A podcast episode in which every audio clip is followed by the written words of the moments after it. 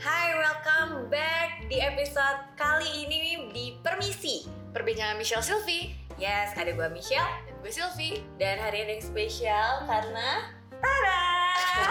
Jadi hari ini adalah Permisi Kak. Fisika ada Dengan Michelle, Sylvie dan Karika. Jadi permisi kak. Kita kedatangan our guest sister namanya Yes. adalah Karika. Coba mungkin diperkenalkan dulu coba namanya siapa? Oh iya. Oh hai sister, sister Halo. ya. Iya. Hai nama gue Rika. Terus apa lagi? Umur. Oh gue baru menjelang 30 something, masih muda ya. Mungkin suaranya kedengeran kayak ABG. Oh iya, udah dong. 30 something. Masih muda kok. Eh, gue eh, kerja, gue konsultan eh, Young Entrepreneur Business. Wow. Oke. Terus apa lagi nih kamu Sosmed sosmed Oh Rika. sosmed, yang Sosmed sosmed nih. boleh, sosmed gue kebuka. Follow Eh, di Instagram. Rika iya Nastasia, gue open kok. Oke nanti kita akan uh, tulis di description box kita juga biar nanti teman-teman bisa lihat, bisa cek. Ya. So hari ini adalah episode spesial karena kita kedatangan our guest sister. Dan Yes. episode kali ini mungkin dari briefing aja udah melo-melo gimana gitu ya. Iya, jadi episodenya betul-betul menyentuh si bagi gue pribadi ya. Hmm, karena hari ini judulnya adalah Me and My Father Story. Ya, jadi ada apa dengan episode kali ini ya? Eh, jadi gini, eh, mungkin yang mau kita angkat di sini adalah tentang cerita dengan papa ya, bener gak sih? Hmm. Hmm. Dan tahu nggak sih teman-teman bahwa Indonesia ini adalah ranking 3 fatherless country di dunia. Itu gue baca di Google sih tahun 2017. Hmm, ya. Mungkin gue ngerti sih arti ini tuh fatherless country. Mungkin Indonesia salah satu eh, yang krisis ayah mungkin ya. Hmm. Gimana tuh? Mungkin karena tingkat perceraian Hmm. tinggi atau juga mungkin uh, even mungkin sosok papahnya ada tapi mungkin tidak berperan baik di, di keluarga. Ya, Jadi sampai disebut di salah satu artikel Indonesia krisis ayah. krisis ayah Dan sampai itu hmm, fatherless ya, heartbreaking banget gak sih? ya banget. Nah, coba pengen tahu dong kalau lu sil gimana lu dengan papa? Hmm, gue pribadi ya gue juga mengalami hal yang sama sih. Maksudnya gue merasakan ini juga di mana eh, ya kehadirannya secara fisik memang ada, tapi untuk yang berperan sampai ke dalam-dalam gitu ya maksudnya kurang sih. Tidak gue. terasa. Hmm, tidak Dan terasa. mungkin ya gue punya masa kecil kalau gue pribadi ya gue Mhm. punya masa kecil dengan papa sebenarnya ya oke lah gue spend time waktu banyak sama papa tapi ya makin besar ya ada aja gitu ya iya sih mungkin ya memang menjadi ayah itu nggak gampang ya Iya. mungkin ya buat gue juga kayak ya ya harusnya papa tuh gini papa tuh A B C ya jadi ada Hmm. kayak tuntutan yang kayak merasa nggak terpenuhi sebagai anak gitu dari sosok papa. Nah, udah dia ngomongin aja udah sedih. Kak, Karika. Ya. Kalau kakak gimana sih sama papa? Oh, aku ya. Eh, by the way, thank you ya. Gue udah bisa sharing. Kita juga Kita yang terima kasih banget karena kakak mas mau datang ke Iya. Sister Talk. Jadi cerita tentang bokap ya. Jadi apa ya? Gue tuh eh, gue tuh sebenarnya anak paling beruntung menurut gue ya. Wow. Dari kecil gue merasa beruntung tapi cuma sampai kelas 6 SD. Why? Why? Jadi gimana ya? Gue itu sampai kelas dari kecil sampai kelas 6 SD gue terbentuk dengan keluarga yang harmonis. Mhm. Bokap gue baik, nyokap gue baik, semuanya oke. Pokoknya semua eh, orang idam-idamkan keluarga itu seperti itu. Keluarga bahagia. Iya. Harmonis. harmonis banget dan kebetulan gue kecil itu sebenarnya udah sakit guys Sakit apa kak? Eh, gue kecil itu udah ada infeksi ginjal Ah. jadi gue terbentuk memang dengan anak yang sedikit lemah kali ya Hmm, anak manja. iya manja manja dan gue ngerasa kasih sayang kedua belah orang tua gue itu full banget Mhm. orang tua lengkap sekolah enak pokoknya semua oke Hmm. Oke. Anyway, sorry. Lu berapa bersaudara kak? gue anak ketiga dari empat Dari empat itu Yes. cewek, cowok atau? cewek cowok cewek cowok gue yang Oke. paling oke deh pokoknya Oke dan itu karena mungkin lu sakit jadi semua kasih sayang semuanya Iya. dilimpahkan ke- lebih banyak ke lu kali ya. iya jadi jatuhnya mungkin jadi anak manja kali ya Ya, oke. ya gitu tapi manja karena sakit ternyata Nah, oke. Nah, terus gimana hubungan lu sama papa? Ah. Kak? Apakah mulus aja seperti jalan tol? wow bokap gue itu menurut gue pria yang paling gue dor yang yang paling gue sangat sangat suka Idolakan. Hmm. iya karena gue tuh diperhatiin banget Hmm. Eh, mulai semuanya dia pergi sekolah di rumah dia kasih contoh pokoknya dia tuh sosok pria yang baik banget menurut gue Hmm. Coba sosok papa buat Karika tuh kayak gimana? Papa itu apa ya penyayang, eh, selalu ada, terus suka buat yang lucu-lucu, terus apa ya, nggak pernah marah. Idaman ini ya, idaman pasangan. Iya, nggak pernah marah, terus suka pelukin kita, gitu. Family man banget. Family Ah, man family man. banget. Betul. family man banget dan dia selalu jemputin kita pulang sekolah jadi menurut gue tuh dan pergi sekolah selalu diantar sampai sekolah Hmm. memperhatikan semua semuanya nggak pernah marah dan dia sangat apa ya disiplin tapi penyayang Oke. Gitu. Idaman banget ya. Iya. Dari dengarnya aja juga kayak bikin jatuh cinta. Iya, pengen ya punya papa kayak gitu gitu. banget banget Terus kak, hmm, apakah eh, itu berjalan se- seperti itu Oh, terus Sampai sekarang sampai Oh. besar. itu gue rasain ternyata sampai kelas 6 SD Hmm. Jadi singkat cerita, gue diizinin ya mengalami proses eh, proses yang menurut gue pada saat itu berat banget. Eh, Gak ada angin, gak ada hujan. Yang tadinya kita happy happy, ternyata gue diizinin tahu realita bahwa ternyata bokap gue eh, punya keluarga lain. Gitu. Singkat cerita, di masa pertumbuhan gue yang eh, harusnya gue penuh dengan kasih sayang ya, Eh, tapi di situ bokap gue menghilang. Gitu itu kelas berapa? itu mau SMP Aha. Eh, masa di mana-mana kita butuh figur ayah ya itu gue kehilangan banget dan apa ya eh, sam dan gue bohong sama diri gue Hmm, lo kayak denial. gue denial kalau bokap gue nggak pergi Hmm. I'm fine gitu Untuk menu- menutupi luka itu kali Iya. ya? Eh, dia pergi tiba-tiba ninggalin kita semua Eh, kalau bisa dibilang nggak tanggung jawab ya nggak tanggung jawab maksudnya gue betul lu lu di mana gitu apa namanya mau masuk SMP SMA itu kan butuh figur ayah ya Iya. tapi di situ di situ nggak ada disetir sama sekali hilang Ya, dan itu pasti kerasa. Gak mudah banget karena dari awal dari kecil disayang banget anak kesayangan dimanja dan punya keluarga yang Enak. idaman gitu ya keluarga bahagia dan tiba-tiba lu mau masuk SMP dan papa menghilang Iya, gitu saja. Iya betul. Di situ gue ngerasa eh gue sebenarnya marah sama diri gue marah sama orang tua gue juga gitu. Eh, kok bisa jadi kayak gini Hmm. gitu kok bisa jadi kayak gini jadi selama pertumbuhan gue itu tanpa nggak sadar gue ngelihat nyokap gedein kita empat empatnya beres gitu Hmm. gue ngeliat nyokap gue nggak pernah nangis dia jadi wanita yang tegar strong woman strong woman, woman. dia cuma bilang banget ya. iya dia cuma bilang kalian eh, kalian berempat harta mama so ke sekolah yang benar gitu Hmm.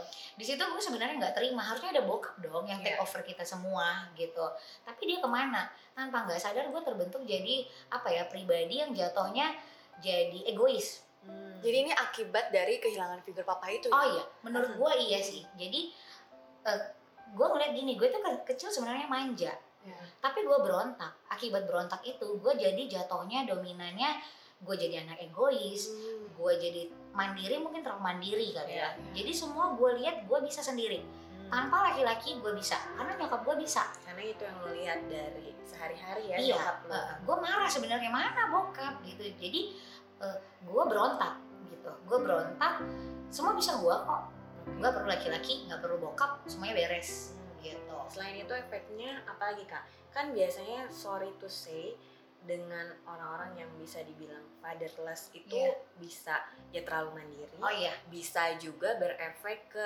terlalu mudah jatuh cinta. Oh, iya, iya, Lu iya. tipe yang mana? nah bersyukurnya saat itu gue dibentuk jadi anak yang terlalu mandiri menurut gue jadi gue ngelihat sosok laki-laki itu nggak lebih dari gue Oke. gitu. Jadi jatuhnya gue yang pegang kendali semuanya. Gitu. Tanpa laki-laki gue bisa. Jadi itu berpengaruh kepada relationship. oh semua dari re- relationship dari kerjaan dari apa jadi gue gampang ilfeel Coba kalau dari sisi kerjaan Ah. gimana?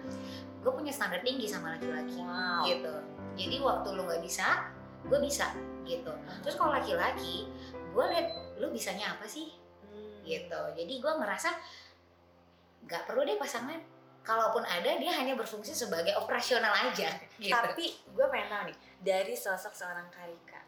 Eh, kakak punya mantan kan pasti. oh Coba Coba share yang itunya ya. Maksudnya dari sisi perempuan dan maksudnya ngalami Oh, iya. cerita lucu nggak kak? Oh, banget. itu? Ini girl talk banget ya. Iya, woman stock banget. Iya, ya, Iya. ya ampun. Jadi eh, tanpa nggak sadar, gue bangun relationship, gue Hmm. pacaran, Oke. tapi gue rasa dia nggak berfungsi. Dia hanya eksistensi aja. Oke. Pembuktian nggak kalau gue punya pacar. Kalau lu tuh laku gitu ya? Yes. Yes. gue tuh laku, gue itu punya eh, punya pasangan, Hmm. tapi secara fungsi dia hanya cuman absen doang. Oke. Hmm. Coba kak, eh, ada cerita lucu nggak dulu sama mantan kayak atau sama gebetan gimana? Oh apa ya? Sebenarnya banyak, tapi satu aja gini ya. Saking mandirinya gue, gue diantar pulang, tapi dia nggak boleh masuk rumah. Wow. Oke. nggak boleh masuk rumah. Saking mandirinya gue, gue udah terbiasa dari kecil eh, cari dia sendiri. Hmm. Kalau mau apa-apa gue yang bayarin. Jadi lu yang bayarin laki lu ya? Wow, super independent ya ini ya. Ya. Iya. Saking mandirinya. Saking mandirinya. Gua Lu yang- bisa Iya. tanpa laki-laki bahkan gue Gue yang bayarin tuh cowok.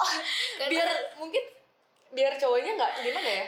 Jadi gue nggak mau dianggap remeh sebenarnya. Hmm. Karena sebenarnya di sisi gue itu tadi jatuhnya. Gue nggak mau lu anggap remeh gue. Hmm. Gue bisa semuanya. Tapi sebenarnya salah ya geng.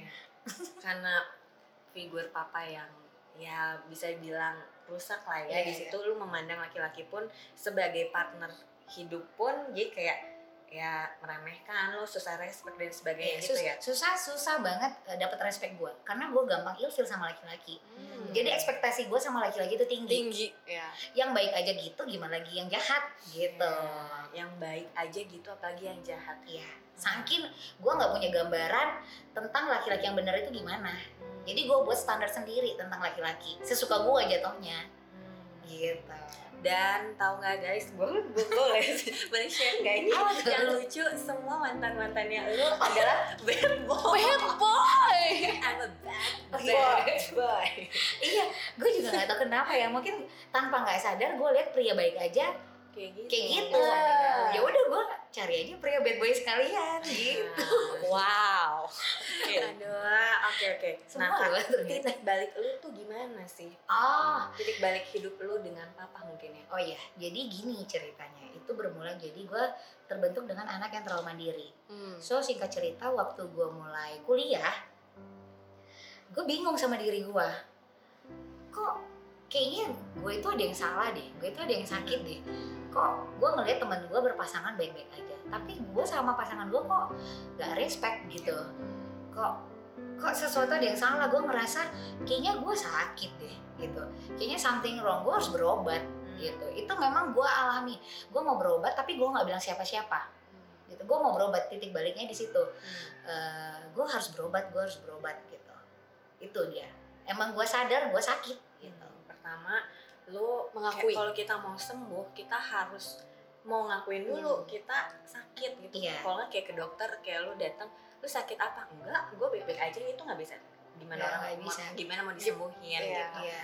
And then, Ya, eh, saat itu karena gue tahu gue sakit itu sebenarnya gue pencarian loh gue Hmm. cari ke mana-mana cari karena gue nggak mau tumbuh dengan Rika yang rebel gitu loh Iya. jadi rebelnya gue diem terselubung tapi keras Hmm.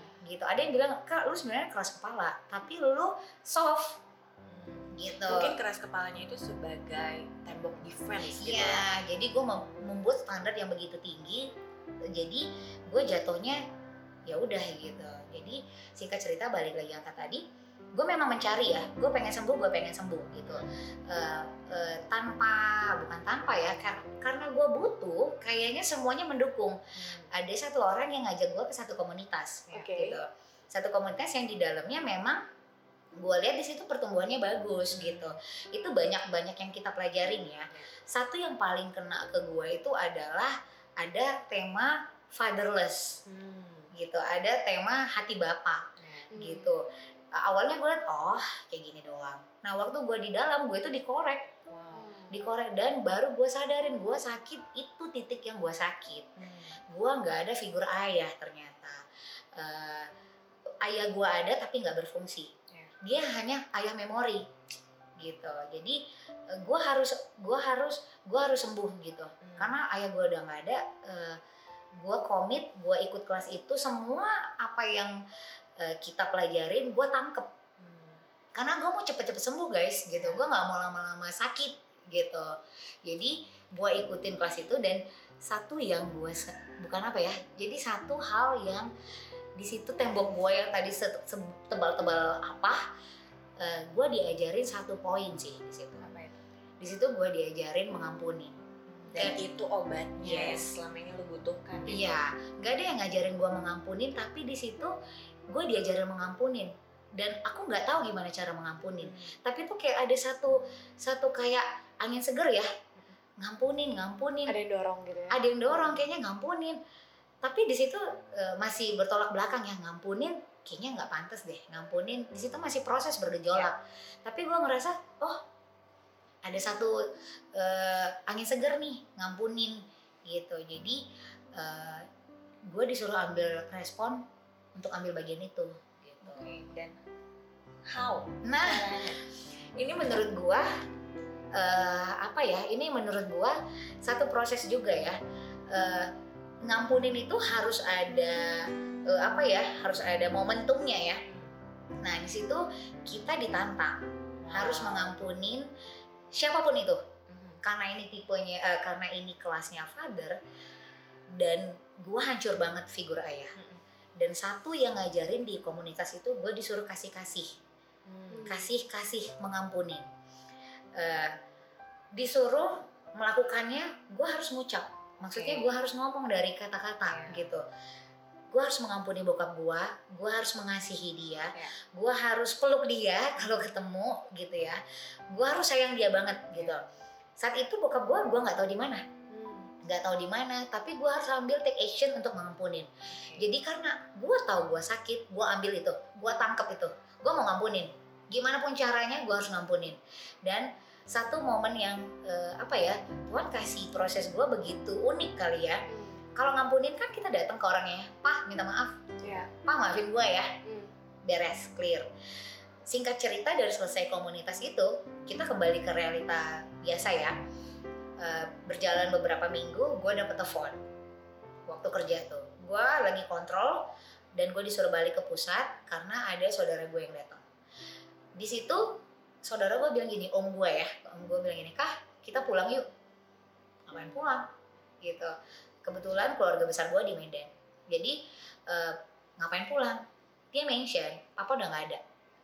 Nah di situ gue gue nggak tahu nggak bisa sa- nggak bisa sedih nggak bisa happy. Tapi diem aja oh oke. Mhm. nah baru gue sadar bokap gue nggak ada waktu gue izin ke atasan. Dan baru gue tahu gue kangen. Kenapa gue kangen? Ternyata gue baru tahu kalau gue itu seneng dipeluk Oh. jadi atasan gue dia peluk gue dia bilang turut berduka.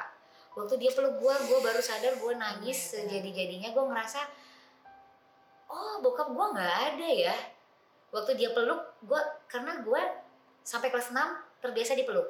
Hmm. sampai ke sana gue nggak ada yang peluk. Waktu Iya. dia peluk gue gue ngerasa hancur hati. Iya. oh sedih gitu ya. Sedih gue nangis sejadi jadinya akhirnya singkat cerita pulang. Eh, pulang ke rumah nyokap bilang gini. Nyokap bilang eh, nggak ada mantan anak. Pergi ke pemakaman. Eh, dan by the way nyokap gue nggak ikut ya.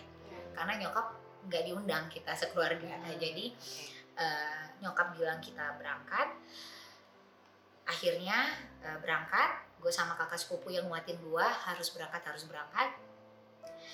Pas nyampe di gedung itu dengkul gue gemetar geng. Gitu.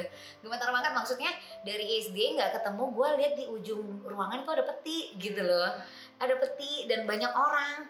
Di situ gue bilang aduh masuk nggak ya? Masuk nggak ya? Tapi di eh, di eh, apa ya ada di dalam hati gitu ya dorongan bilang masuk kah masuk. Mau ketemu papa kan masuk gitu.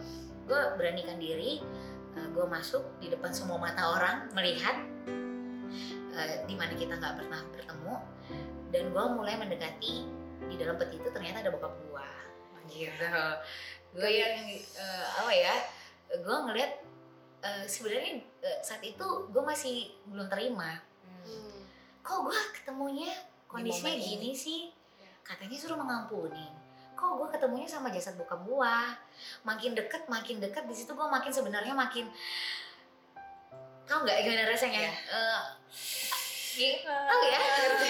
Bingung gitu. kali ya heartbreak juga semua Iya. ya kok gue ngeliat di di dalam peti mati itu ada bokap gue dan di situ gue hanya bisa diem. Hmm. gue hanya bisa diem gue bisa nggak bisa ngeliat siapa pun. Gue hanya ngeliat muka bokap gue gue hanya ngeliat muka gue dan di situ gue sedih banget itu sedih banget maksudnya pak ke mana aja gitu loh ke mana aja ketika se- setelah sekian lama nggak ketemu dan Iya. lu ketemu di saat ya papa lu udah nggak ada, ada. gitu. dan maksudnya yang gue highlight tuh sebelum ininya lu ikut kelas yang untuk mengampuni itu loh maksudnya Iya. kayak ya, nggak nggak ngerti mungkinnya Tuhan mau apa ya sih Iya. pas di momen ini iya di Coba. situ gue masih sebenarnya masih nggak terima gue udah ngelakuin bagian gue tapi kok kayak gini sih upahnya hasilnya gitu. Tapi waktu pertama gue tangkep mengampunin itu ada di dalam hati. Ngampunin aja. Mengampuni karena ada upah untuk orang yang mengampunin. Iya. itu yang gue pegang nggak tahu apa upahnya. Eh, dan eh, momentumnya lagi waktu saat pemuka agama kan eh, kebetulan waktu mau tutup peti ya. Eh, di situ eh, eh, Pendetanya. pendetanya ngomong ada yang mau ngomong lagi nggak? Mau kata-kata terakhir. Iya. nggak tahu kekuatan di mana. Gue angkat tangan ambil mic. Itu baru berani gue angkat muka angkat wajah. Hmm. nggak tahu kekuatan dari mana. Gue ambil mic gue cerita eh, gue cerita siapa gue karena kita terpisah dari kelas 6 I- SD dan gue rasa orang harus tahu. Iya. Jadi gitu sorry kak, gue mungkin akan perjelas. Jadi ini setelah papa meninggalkan kalian keluarga, papa punya keluarga baru, dan kalian pada saat pemakaman nggak di, maksudnya nggak diundang. Iya, iya, iya. Lu datang memberanikan diri, ambil mic dan lu ngomong apa itu? Oh ya ngomong apa ya? Gue juga nggak tahu ada kekuatan dari mana. Gitu maksudnya. Ya Rika siapa sih? Gitu ya. Eh dulu anaknya kayak gini loh mas segala macam. Gue kayak ada kekuatan baru gitu loh. Akhirnya gue ngomong setelah menjelaskan siapa gue dan segala macam, gue ambil mic. Baru di dalam hati gue bilang gini, saatnya mengampunin. Saatnya mengampunin. Di situ gue mulut mulut semuanya ngomong bilang, gue ngomong. eh gue lihat om-om gue keluarga gue mewakili gue bilang "Gu- saya mewakilin papa sama semua saya minta maaf saya minta maaf kalau kita punya salah gitu apa pun yang terjadi saya mengampuni. Terima kasih buat keluarga besar yang udah mengurus papa sampai sekarang. Karena saya yakin kita aja diampunin masa saya nggak mau mengampunin Iya. gitu. Jadi gue take action gue mengampunin semua keluarga besar gitu dan nggak tahu kekuatan dari mana gue berani lihat satu-satu mereka gitu loh. Nggak tahu gimana eh, semua gue lihat. Waktu gue mengucap gue bilang mengampunin tadi tuh kayak gue jalan tuh berat banget. Kayak kaki gue diborgol pundak gue ada beban. Tapi waktu gue ambil mic gue ngomong saya mengampunin suddenly itu hilang. Pas gitu ya? Pas gitu. Kayak Beban. tau nggak rasanya? Iya. kayak kayak lega banget. Kayak gue bilang Tuhan selesai ya? Hmm. selesai. Saya mengampunin eh, jaga bokap gue di sana ya. Gue bilang gitu. Dan apa ya ya itu waktu gue bilang mengampunin suddenly nggak tahu gimana caranya semua beban berat gue itu kayak diangkat Wow. gitu Dan apa yang lu rasain after lu mengampuni bokap? wow tadi sempat gue mention ya ada upah buat orang yang ngampuni Iya. ya Eh, saat gue mengampunin itu kayak dulu gue ngerasa kayak gue seolah-olah maksimal Iya. seolah-olah maksimal Ya. tapi waktu gue ngampunin gue kayak dikasih kekuatan lebih besar gue hidup yang lebih maksimal tuh gimana gue kerja produktif Hmm. gue kerja eh, tanpa ada rasa kesel tanpa rasa ada marah tanpa ada rasa compare dan gue ngerasa kayaknya I'm free gue sehat Hmm. Karena udah beres semua ya Duh, udah beres Iya. Dan mungkin kalau orang berpikir kan maksudnya kayak aduh mengampuni orang yang nyakitin kita, yang ngecewain kita rugi banget. Padahal pengampunan itu bukan buat orang lain, yes tapi Ya. buat diri kita Ya, Nah, sendiri. satu poin eh, teman-teman ambil bagian deh. Ya. Kita nggak tahu apa itu upahnya. Kalau gue ngerasain waktu gue ambil ampunin, ternyata yang sembuh itu gue, Wow. gitu. Yang sembuh itu gue, Yes. gitu. Waktu kita ambil, ternyata bagian itu langsung dibayar loh, lunas. Yap. Langsung gue disembuhin semua. Hmm. Dan tanpa nggak sadar itu pintu-pintu rezeki, pintu-pintu berkat kebuka Wow. nggak tahu dari mana. Gue nggak bisa stop. Hmm. Dan gue ngerasa Tuhan begitu baik dan itu gue rasakan sampai detik ini. Itu lu tidak pernah menyalahkan proses ini ya? No, no. Dan saat itu mungkin gue sakit, tapi sampai saat sekarang gue bilang, Tuhan makasih ya, gue udah pilih, dipilih untuk ada di proses itu. Kalau enggak, gue nggak akan jadi Rika yang kayak sekarang. Keren, ada keren. transformasi Ya. gitu loh. Dan gue sekarang itu masih tetap diproses ya, lewat transformasi itu. Hmm. Gitu. Dan gue mau bacain satu hal dari Kosurya Praba ya. Nah, Pengampunan adalah sebuah perjalanan yang sulit namun harus kita lewati. Mengampuni selalu memberi jalan keluar. Mengampuni memulihkan hatimu sendiri. Mengampuni tidak menyelesaikan siapa yang salah atau benar, tapi melanjutkan relasi untuk bisa kembali Yes. terbangun mungkin ya. Yes, yes, Dan yes. pengampunan bukan hadiah yang kita kasih untuk orang lain, tapi pengampunan adalah harapan bahwa saya ngampunin orang lain karena saya percaya bahwa ia akan jadi seseorang yang lebih baik.